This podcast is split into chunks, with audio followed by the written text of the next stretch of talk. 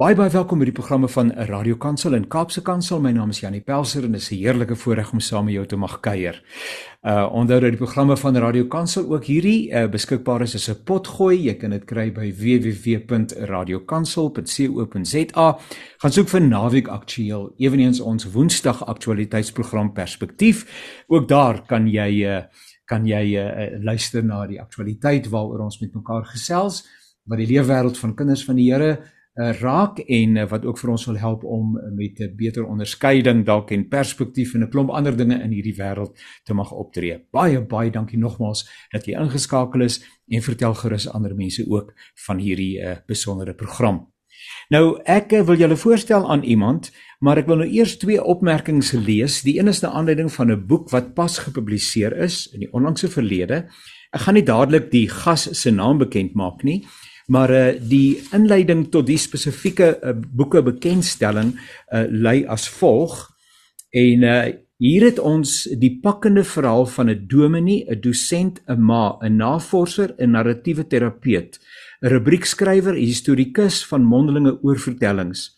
'n Bietjie verder staan daar ook 'n professor, 'n kerkleier en 'n voorloper. Nou dis sommer 'n hele klomp rolle waarin hierdie besondere persoon ehm um, haarself en uiteraard gaan jy op hierdie stadium dit nou al weet, uh onderskei. Ek wil ook 'n ander paragraafie lees in 'n onderhoud wat uh, iemand met haar gevoer het, uh, Dominee Loukser, uh in die onlangse verlede en uh, daar word uh, gemeld dat she has obtained two doc doctoral degrees in church history and practical theology is the editor of two academic journals en hulle nie. She has published more than 100 academic articles on gender, oral history, church policy and an equal number of popular articles analyzing the religious faces of the South African society. She has published books on South Africans uh, South Africa, women's piety and edited books on early church history. And Albert Schweitzer, she is an ordained minister of the word in the Uniting Reformed Church in Southern Africa. Nou ja, Ek is seker dat jy in hierdie tyd reg geraai het. Ek gesels met professor Christina Landman. Dit ek maar net eers hoor, hoe gaan dit sommer net vandag asseblief, Christina? Nee, vandag gaan dit goed met my. Jy weet daar's 'n Psalm wat praat in Engels van we are prisoners of hope. Dit vir my 'n baie mooi vertaling is en uh, ek dink dit is wat ons almal is. Ons is prisoners of hope en daarom kan dit nie anders as om goed te gaan met ons nie. Nou, daardie boek nou verskyn oor jou lewe. Help net bietjie vir my om die boek mooi binne konteks te plaas. Is dit 'n autobiografie? Het jy dit geskryf? Het iemand oor jou lewe geskryf? Die titel daarvan is 'n lewe. Dis ook 'n baie interessante en mooi titel. Maar vertel net bietjie hoe die boek beslag gekry. Ehm um, uh, ek het uh, Jannie, ek het self die boek geskryf. Ek is 'n bietjie bang om hom te lees maar ek het hom geskryf. En ehm um, die die boek se titel het ek oorspronklik voorgestel moet wees ehm um, 'n lewe in 8 woorde.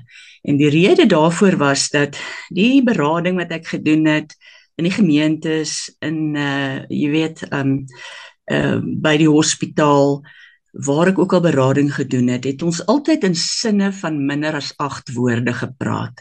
Jo. Omdat dit 'n uh, transkultureel was baie keer. Maar selfs as jy in binne jou eie kultuur met iemand praat, is 'n sin wat meer as 8 woorde het nie meer 'n duidelike sin nie. So ehm um, ek ek het dan die woord die die getal 8 speel nou ook nogal 'n rol in die boek in terme van uh, in plaas van weet agter mekaar ek dink ek liewer my lewe was 'n bietjie agterste voor en uh, die doel van die boek was eintlik om 'n heilsgeskiedenis te skryf nie so baie mooi heilsgeskiedenis in die Bybel nie want dit daar loop 'n goue draad maar ek het gedog ek wil liewer se heilsgeskiedenis in my eie lewe skrywe en nie 'n onheilsgeskiedenis nie nie nie 'n heilsgeskiedenis nie jy weet. Sodat dit ek net uh, mense wat wat wat my lewe omgekrap en miserabel gemaak het.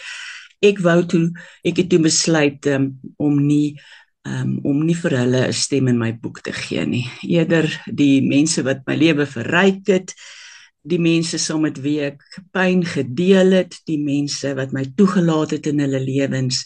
Ehm um, die boek gaan gaan daaroor. En dan is die boek vol, jy weet, uh, maar die ook die grappige oomblikke in jou lewe. My pa was altyd 'n man wat wat uh, grappies vertel het, jy weet, uh, en en en dit was 'n soort van 'n oorlewingstegniek want ek dink ons ouers het deur baie op en af en verrassings gegaan in hulle lewens.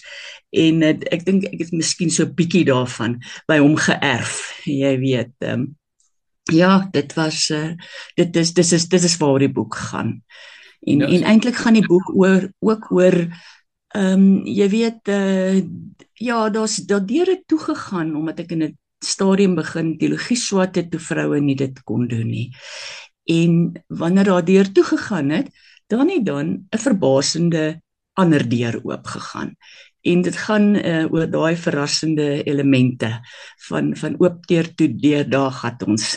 En uh, ja dit was jy weet mense het ook uh, omdat ek nou 'n in Engels sê ons nou 'n oral historian is ehm um, Mense praat uh, in sekere kultuurgroepe van 'n bekgeskiedenis, maar ja. dit klink nou 'n bietjie onheilig.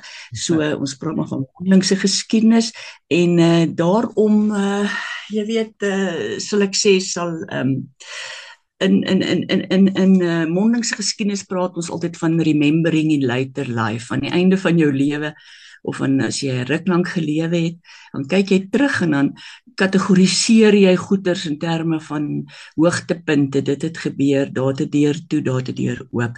En dis maar wat mens doen. Jy weet, jy skryf nou jou geskiedenis anders as wat jy dit sê maar 20 jaar gelede sou skrywe.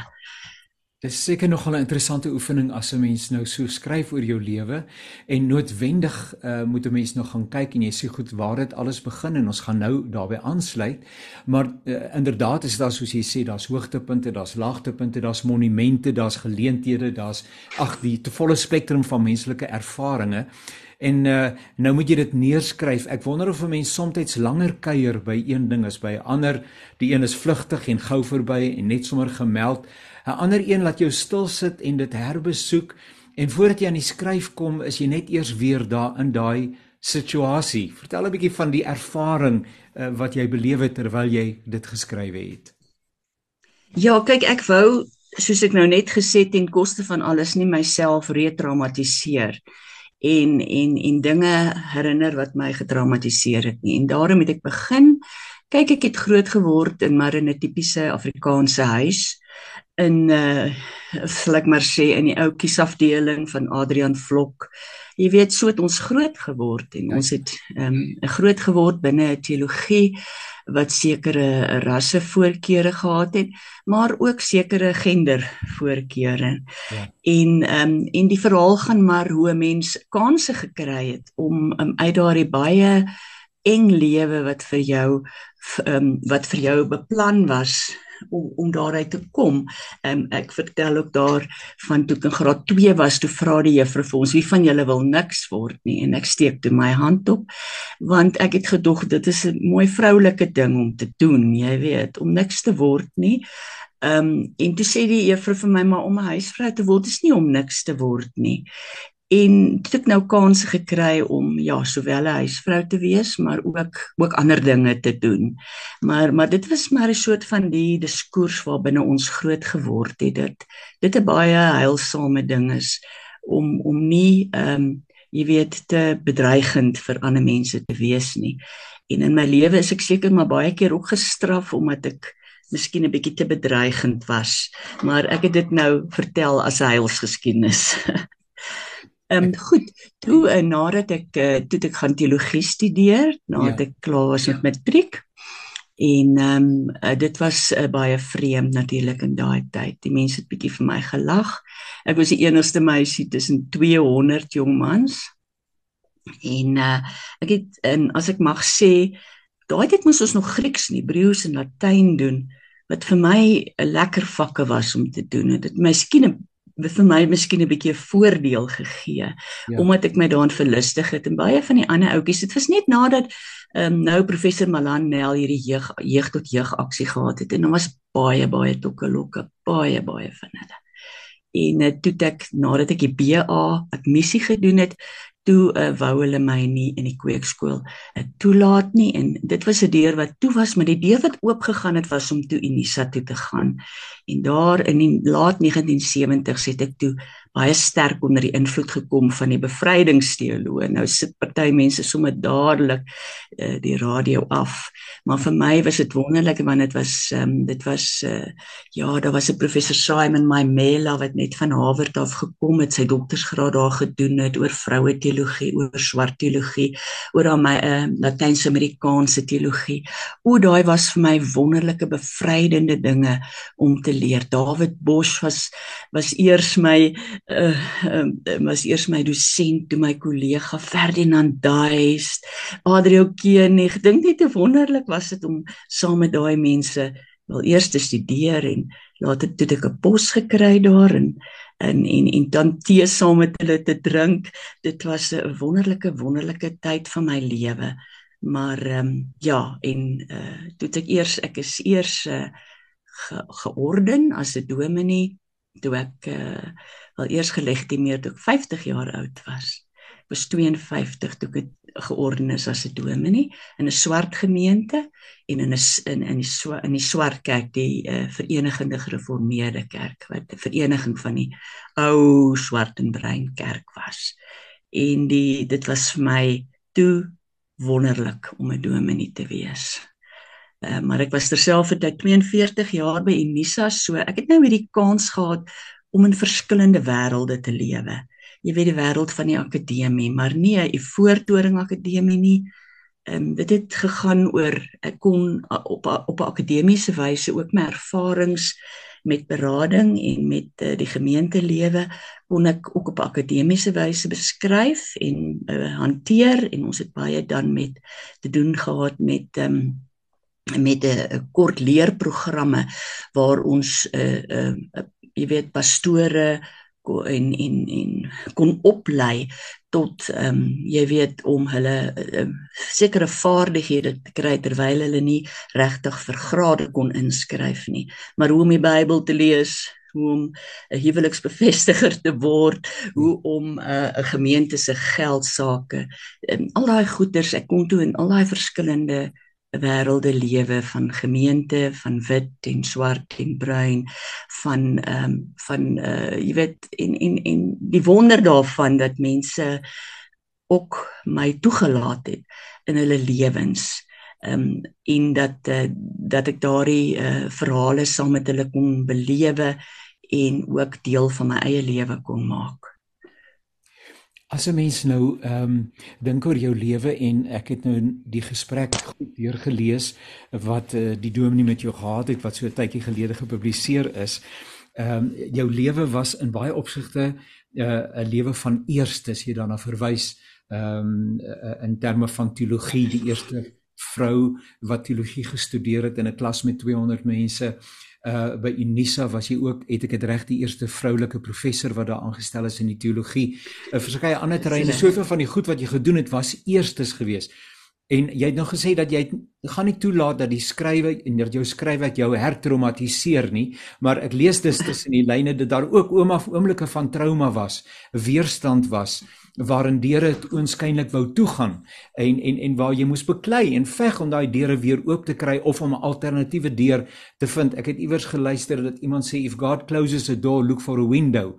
Nou, jy's 'n sprekende voorbeeld van iemand wat gesê het, maar dan moet daar 'n window wees. Lê dit in 'n ou se gene, is dit die manier waarop jy groot geraak het, uh, dat jy geweier het om doodgewoon ehm um, daardie heersende narratief vir jou lewe te aanvaar. Die meeste ander mense sou waarskynlik langs die pad opgegooi het en gesê het ag nee wat die kool is die sous nie werd nie. Waarom skryf jy daai moedswillige rebelsheid op 'n manier skryf jy dit toe, uh, Christina? Ja, weet jy, ek het ehm um, uh, een daar ek dink die die die baie weerstand het het gekom in die akademie ook want die punt is jy ehm um, wanneer jy 'n posisie inneem of 'n posisie kry, dan het jy 'n posisie gevat wat iemand anders wou gehad het. jy weet en dat mense dan kom en sê nee maar vroue mag nie teologie doseer nie dit het werklik uh, met my gebeur by Unisa 'n paar keer ek kon dit oorkom um, en in die kerk natuurlik het ek um, het ek tot by die uitvoerende um, komitee van die kerk beweeg wat natuurlik ook posisies was wat um, iemand anders wou gehad het en wat dan ook um, kerklike strukture gebruik om 'n mens um, om om, om werklik um, uh, wel mense wat wat werklik voel dat hulle as mans te nagekom is. Um, ek het een keer het ek um, een keer het ek daar in Mogwassi ehm um, uh, dit was een van my konsulentgemeentes in Mogwassi woon die uh ja, dit is 'n swart woonbuurt waar daar mense woon, ehm um, hoër middelklas mense woon wat by Sun City werk. En hulle het 'n baie sterk gemeente daar. En ek het daar ehm um, ek het daar die doop in die nagmaal bedien en toe storm iemand van die afgevaardigdes van iemand wat my nie daar wou hê nie. Um, wat eerder wat ook die posisie wou gehad het wat ek in die kerk gehad het daarin en hulle probeer my van die preekstoel afgooi. En ek het net gaan sit en daar was toe die polisie is gebel daar was 'n groot ehm um, uh, ja daar was dis nogal erg. En uiteindelik is hulle nou daar uit toe die polisie kom en um, ek het toe aangegaan voortgegaan en 10 kinders kinders gedoop en ek het uh um ook die nagmaal bedien. En toe het ek 'n bynaam gekry. Ek het baie byname in my lewe gekry, maar hierdie was een wat ek een wat nou by die heilsgeskiedenis hoort en dit was die seder omdat ek bly staan het. En daai was nie, ek dink dit is seker innerlike um 'n sterktes wat mens maar geneties geërf het. My ma kom van die Noord-Kaap af my gemeentelede in Karlienpark waar ek nou die dominee is. Hulle kom ook van die Noord-Kaap af. Daar is sekere ding wat jou laat staan. Maar ek het dit baie godsdienstig beleef in die sin dat ek gevoel het ek is daar geplaas en ek gaan daar bly staan en ek glo dit nog steeds. So dit is ook 'n geloofsuitspraak. Ehm um, maar daar daar seker maar 'n tipe van 'n genetika of omgewing uh, waarin jy groot word of waarin jy blootgestel is wat jou ook sterk maak. Maar vir my was dit ehm um, maar vir my is dit 'n geloofs ehm um, geloofsaak, jy weet om as 'n seeder te bly staan en ek moet dit baie gebruik, hoor as ek voel o gonna hier gat my bene dan dan sê ek nee maar maar nou nou staan jy hoor. Nou gaan jy staan So ekskuus as daai 'n bietjie wind hier klink, maar uh, dit is uh, ja, dit is so een bynaam wat ek maar maar daar genoem het. Die ander byname was vreeslik dat ek sal hulle 'n bietjie geheim hou. Dinge het tog wel baie verander nie waar nie. Ek dink aan die geslag vroue wat na die Unie geboue gemarseer het in ons geskiedenis om die paswette ensovoorts ensovoorts te gaan uh, challenge uh, om 'n 'n goeie Engelse woord te gebruik. Ehm um, daardie daardie generasie en daar was ook wat die teologie betref. Ehm um, en die plek van die vrou in die in die samelewing uh, teen die die agtergrond waarbinne ons groot geword het, naamlik die plek van die man. Wel seker binne die swart samelewing, as ek die woord mag gebruik, dieselfde maar die man het het die voorrang geniet en hy hy was die ou wat uh die posisies bekleed het en en wat die woord gespreek het in dies meer maar daar was ook 'n geslag vroue wat rondom die teologie en ensovoorts ensovoorts vooruitgestap het en gesê het maar ons weier uh om boekies te dra om gekwalifiseer te raak en aanvaar te word. By wyse van spreuke Ja, ek dink ek was in, in my in die 1980s as ek baie meer 'n uh, 'n uh, rasaktivis as 'n genderaktivis. Ons was so op ras gekonsentreer dat ons nie regtig um, baie sterk op die vroue so daai tyd gekonsentreer het nie. En dan moet ek jou sê die mense wat my gekies het tot die tot die uitvoerende uh, voerende gesag van die kerk was swart mans en uh, mense wat my in ons ring die ring van Solspoort tot voorsitter gekies het was uh, swart mans. Ehm um, so jy weet ek het nie die idee gekry hulle hulle wil iemand hê daar wat die werk kan doen en as jy uh, bereid is om die werk te doen en jy het sekere vaardighede dan maak hulle hulle hande en hulle arms vir jou oop. Ek weet nie of dit so is dat hulle sê goed ons sal 'n vrou daar sit om ons te lei, maar by die huis wil ons nie 'n vrou hê wat ehm um, jy weet wat wat al daardie ehm um, wat wat wat wat wat sulke uh leiersneigings het nie. Ehm um, die een ding wat ek dink ek geleer het deur die jare was jy weet hierdie ehm um, dit is 'n mite om te sê uh mans is sterk en vermaaklik bedreig en vroue is altyd ehm um, altyd aan die ontvangkant en hulle kry altyd swaar. Ek dink die mense wat my seker die meeste in die rug gesteek het was inderdaad vroue wat gaan vir hierdie gift of the gap jy weet wat ehm um, uh, wat 'n gaping sien en dan hulle self daarin uh, vestig ten koste van ander vroue, ten koste van van mense van ander ras. So daar dit is 'n mite om om om te sê dat is altyd die mans is altyd die onderdrukkers en die vroue is is altyd die ehm um, die mense wat nou aan die ontvangkant sit die onderdruktes. Ek dink daar is soveel ongelooflike verskeidenheid van ehm um, speletjies en uh, games om nou maar weer die Hollandse gebruik ehm um, rondom gender. Dit dit is eintlik ontstellend. Partykeer ehm um, maak jy voel jy voel jy ontsteld as jy dink dat sjoe, as jy sien wat party vroue doen, dan dink jy, maar my griet, jy weet, is dit waarvoor ons vroue nou bevry het. En dit was nie, dit die idee was om vroue te bevry dat ons uh, partners, dat ons genote ehm um, van mekaar kan wees, mans en vroue ehm um, op grond van hulle talente uh, mekaar kan verryk en saam met mekaar kan werk. Maar dit dit, dit ons is ons is nog nie daar nie en ek wonder of ons daar gaan kom want ek dink op die oomblik gaan dit ook oor jou persoonlike posisie en mag. Dit is maar dis maar hoe die mens is uiteindelik. Wanneer jy uh, in gesprek is met hierdie uh, dominee wat jou lewensverhaal tot 'n hoë mate neergeskryf het, sê daar's drie invloede wat 'n indruk gehad het, wat 'n invloed gehad het op jou lewe. Die eerste een was die liberale teologie waarvan jy nou al gepraat het. 'n Volgende invloed was jou ervaring by die Katlehong Hospitaal. Uh wil jy so 'n bietjie daarvan vertel asseblief? Ja. Miskien kan ek net eh, as ek as ek mag, ek wil wil nou nie as vrou bedreigend optree nie, net 'n regstelling maak. Kyk daar, 'n uh, eh, liberale teologie is iets anders as bevrydingsteologie. Li, uh, uh, liberation theology and liberal theology.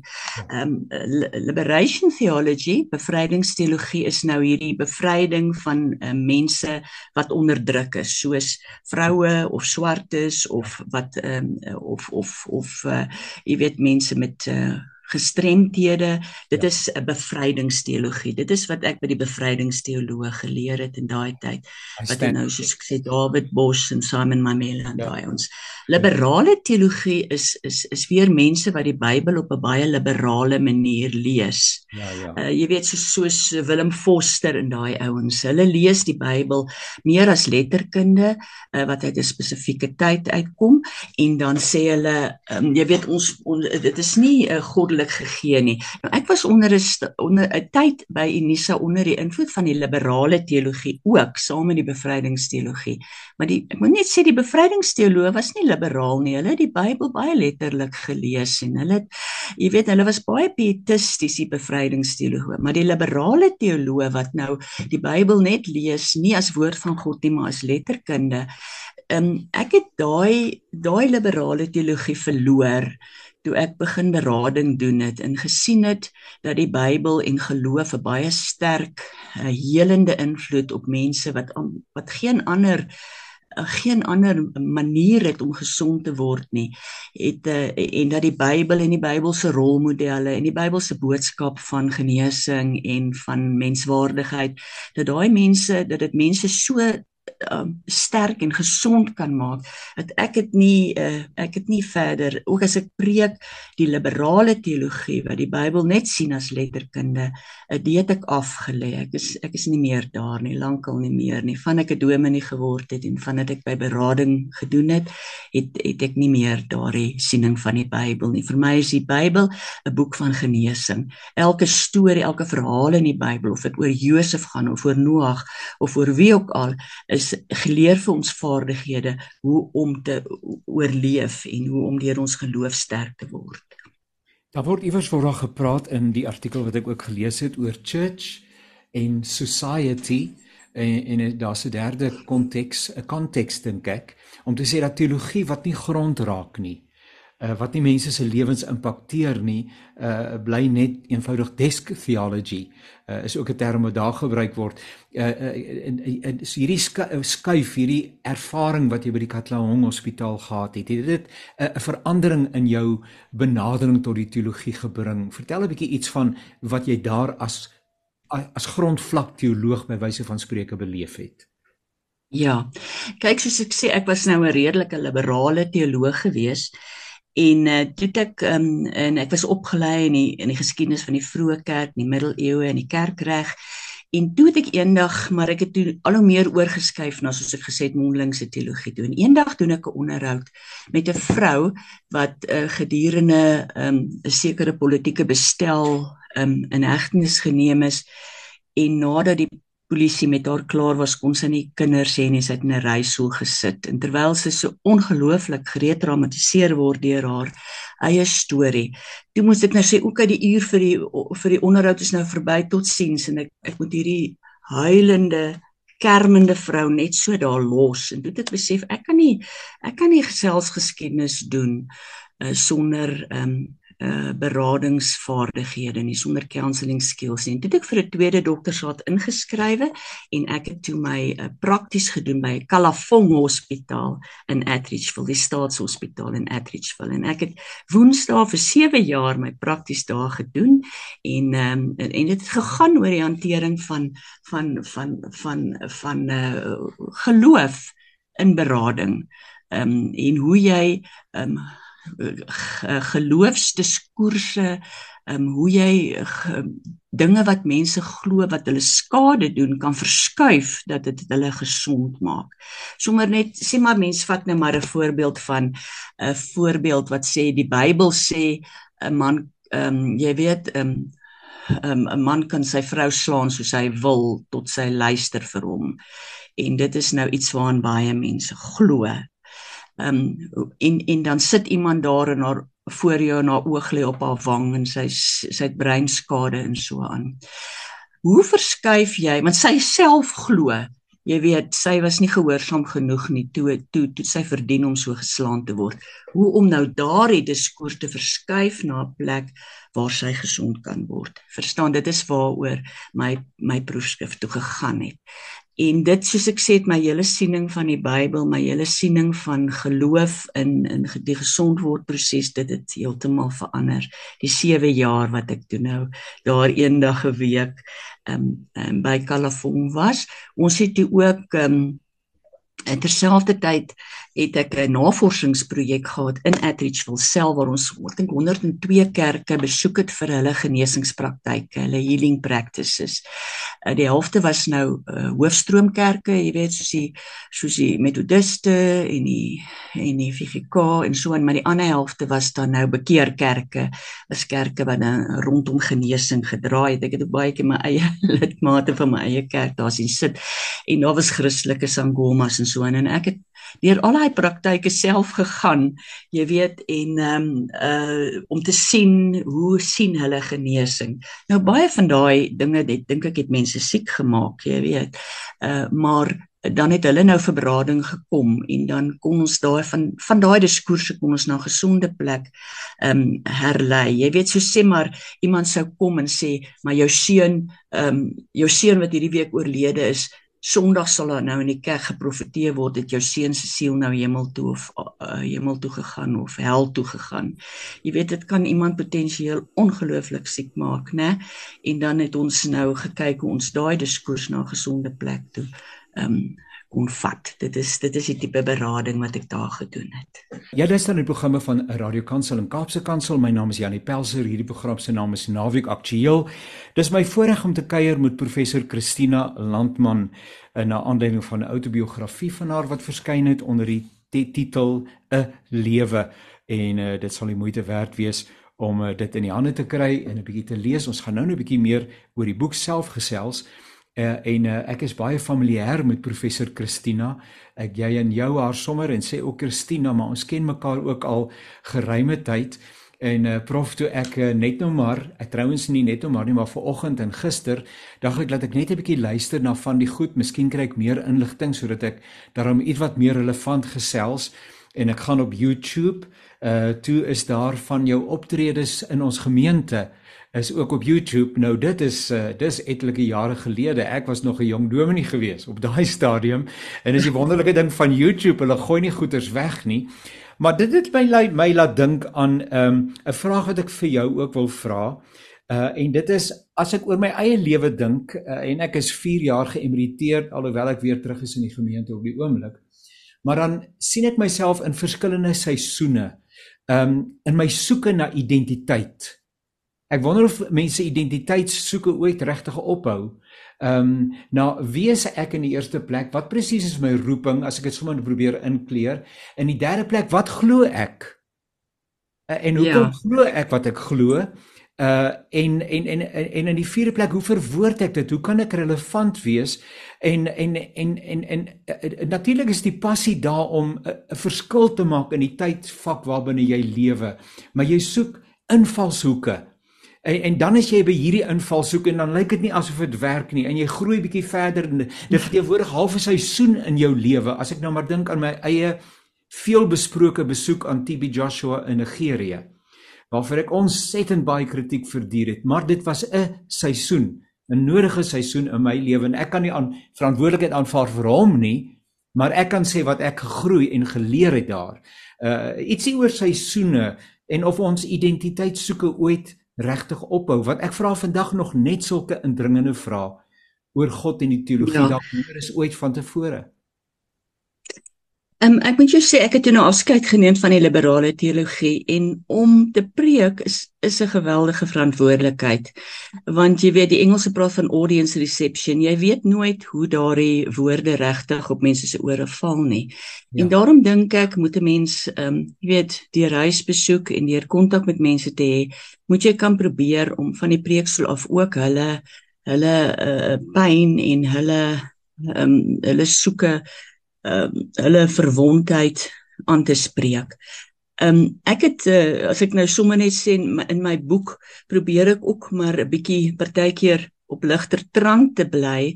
Ehm um, en um, wat ek dadelik daarby sê is wanneer ek preek, bid ek bid ek baie hard oor hoe daai preek gaan val. Maar ehm um, ek het een keer 'n gemeente se geskiedenis opgeteken en hulle het met een van hulle dominees bande losgemaak en ek kon nie agter kom by enige en was te pynlik vir almal om daaroor te praat. En toe sê een tannie, "Weet jy hoekom het ons moet gaan? Hy het nie predikant maniere gehad nie." Jy weet, vir hulle was dit op Sondag vir 'n dominee met 'n kort broek en checkers eh, rond te loop. Vir hulle was dit nie predikant maniere nie. Nou weet ek ook nie of dit predikant maniere is vir my om die staaltjie te vertel hoe ek eendag in 'n gemeente gepreek het En ehm um, ek preek toe oor die vyf wyse maagde en die vyf uh, dwaase maagde.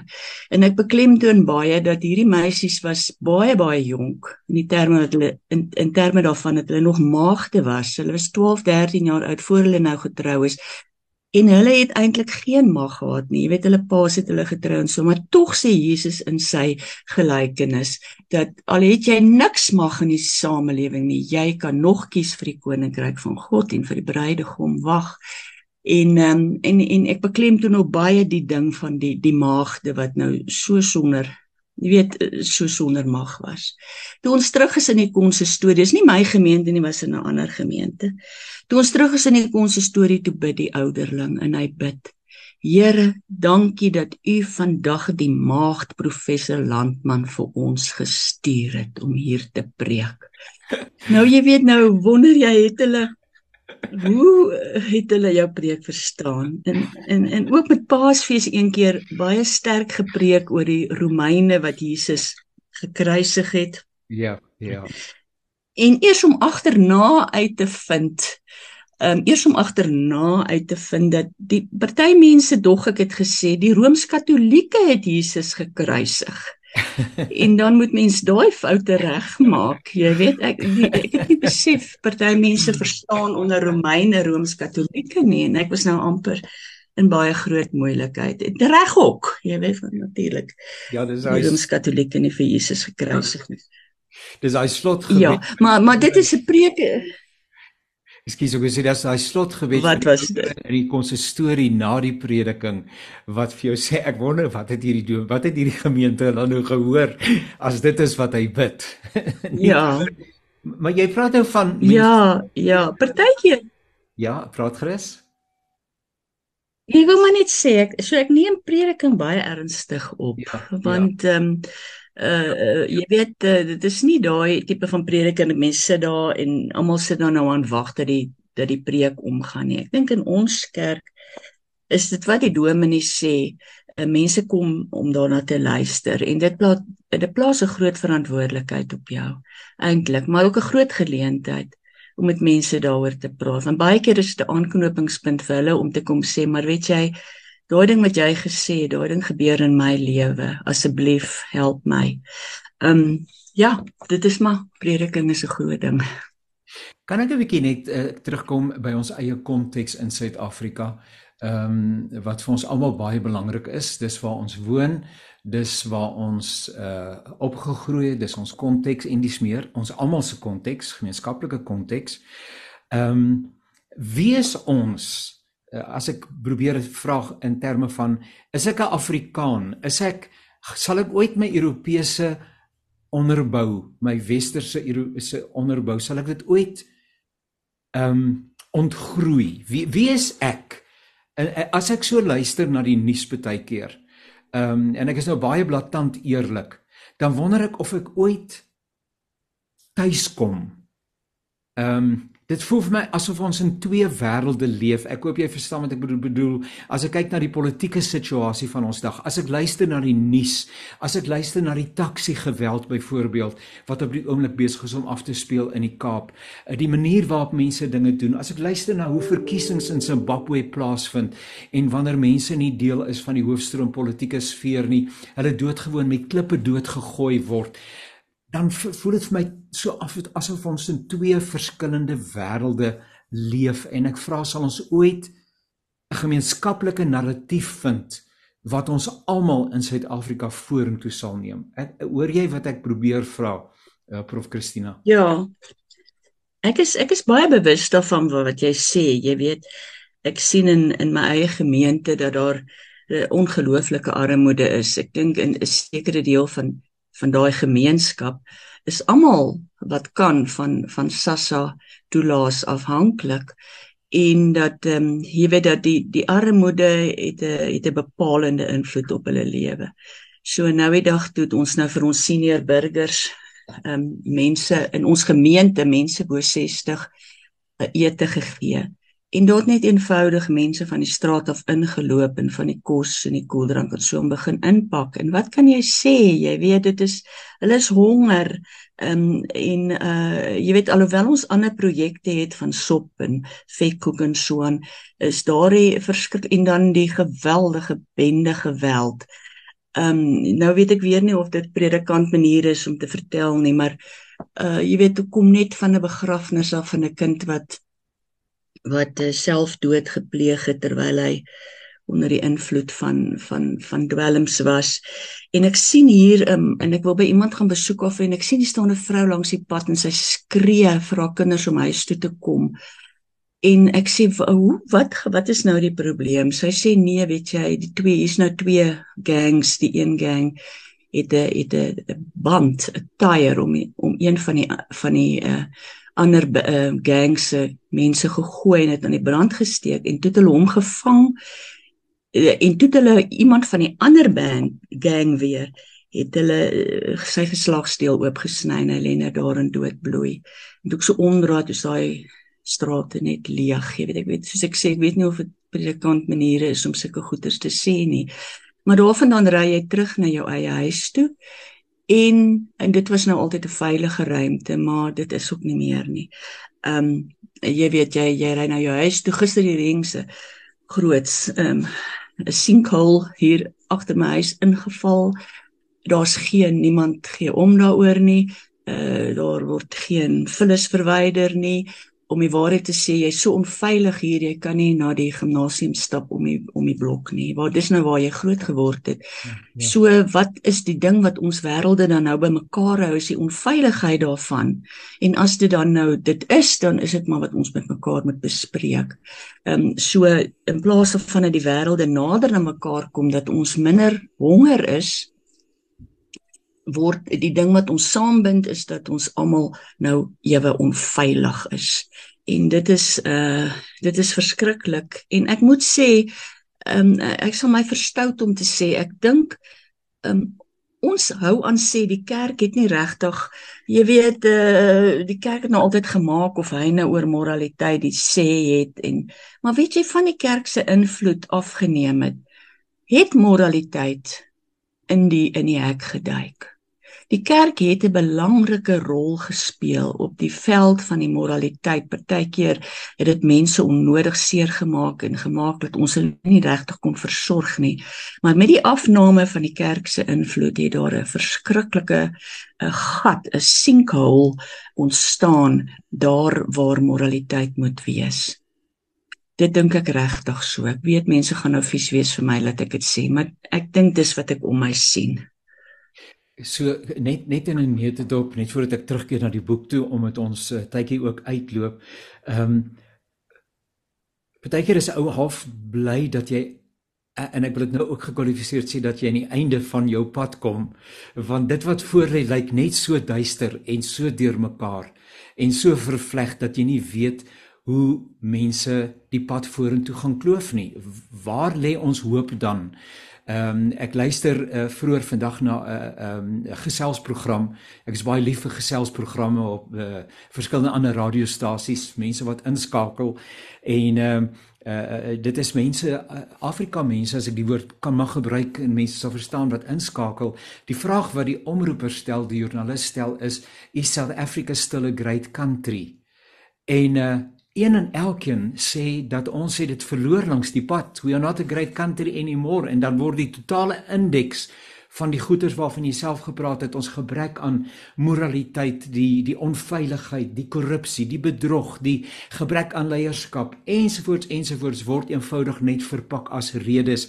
Uh ons het ons visie om 'n groot en 'n vername land te wees wat 'n verskil kan maak in hierdie wêreld het iewers langs die pad versand. Can South Africa still be and again be a great country? Professor Christina Landman.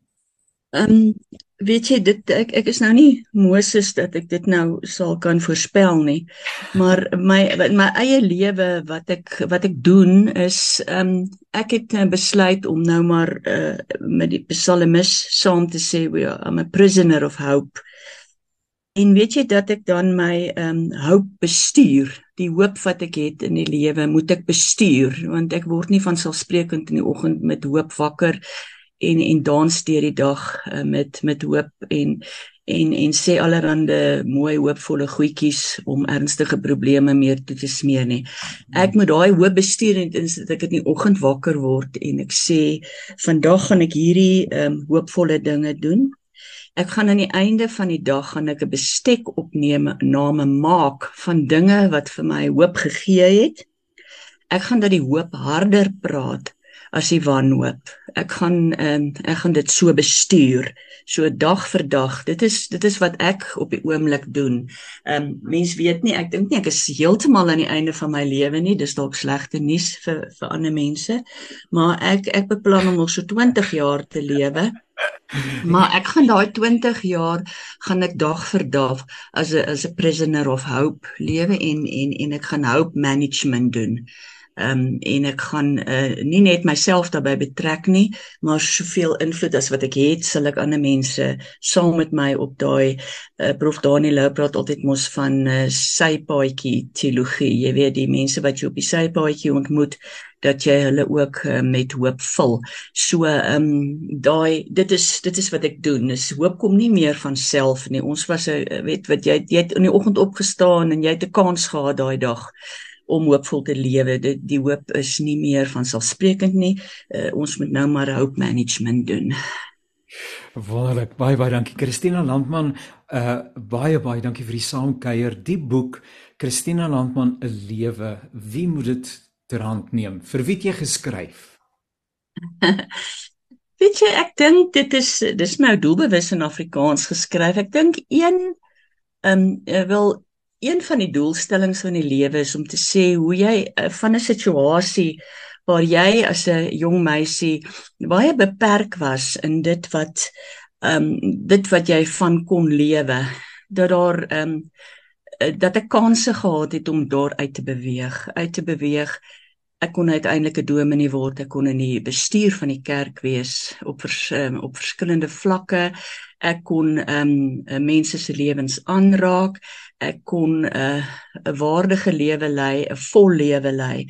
Ehm um, terwyl ehm um, ek miskien nie heeltemal so gebore is nie. Ek was die enigste dogtertjie tussen 13 seentjies op die doopdag hier in die Littleton se moedergemeente en my ma onthou My ouma onthou ek was die enigste dogtertjie tussen die 13 seentjies. My ma onthou die dominee het nog gesê, "Man, wat gaan nou van hierdie kindjie word?" Jy weet daai deel uit Johannes. Ja. En ehm um, en en so uh, dink ek uh, daar is tog hierdie hoopvolle boodskap van dat 'n mens is dat 'n mens tog keuses in jou lewe kan doen soos die vyf wyse maagde dat ek toe nou ook as 'n wyse maagd 'n 'n keuse keuses kon neem in my lewe en dat daar wel vir my deure oop gegaan het wat ek toe ehm um, wat ek waardeur ek toe kon kon gaan na 'n wyeer en 'n groter wêreld.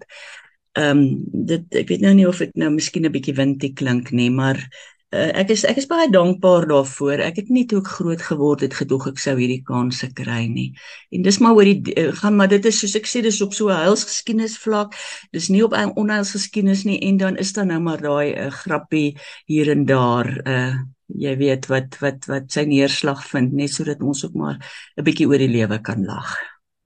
So baie dankie vir die eerlike saamkuier. Dankie dat jy ehm um, ook oor baie jare uh, vir my 'n mentor was en is uh, ook 'n vriendin. Dis lekker dat ons met mekaar van tyd tot tyd kan skouers skuur ook van die programme in die programme by 'n Radio Kansel dat jy nooit nee sê wanneer ek vra kan ons saam kuier nie. Dis een van die uh, onderskeidende dinge wat ek by uh, jou uh, nog altyd geleer het is dat ek nooit 'n nee gekry het nie. Dankie daarvoor. Ehm um, mag die 20 jaar, mag dit 40 jaar word wat jy sê voorlê en nog meer is dit en mag dit steeds 'n lewe wees wat 'n fenominale verskil maak in die lewens van mense. Dankie vir die voorbeeld wat jy gestel het en steeds stel. 'n Seënwense en uh, ek sien uit na die volgende geleentheid wat ons weer met mekaar skouers skuur hier in die programme van Radio Kansel. Baie baie dankie vir jou tyd. Totsiens Dominee en al die luisteraars. Nou ja, daarmee het ons aan die einde gekom van hierdie aflewering van eh, Naweek Aktueel. Ek herinner jou dat die uh, program beskikbaar is as 'n potgooi by www.radiokansel.co.za en jy kyk maar net daarna Naweek Aktueel in die potgooi afdeling. Deel gerus die inhoud van hierdie program met ander mense. Dit was uh, vir my 'n besondere ervaring en voorreg om uh, met uh, professor Christina 'n landman te kon gesels en inderdaad is die naam van die boek, die tema van die boek 'n lewe uh is 'n goeie beskrywing van 'n baie besondere uh, bediening uh, wat uh oor baie baie jare geloop het en natuurlik steeds nog nie tot 'n einde gekom het nie. Uh mag die Here ook vir haar ryklik seën en ook vir jou in die besonder wat ingeskakel het. Uh mag die week wat voorlê sommer merkwaardig betekenisvol opwindend wees en uh ook in die wete dat ons lewens saak maak in die koninkryk van God. Tot 'n volgende keer, alles wat mooi is.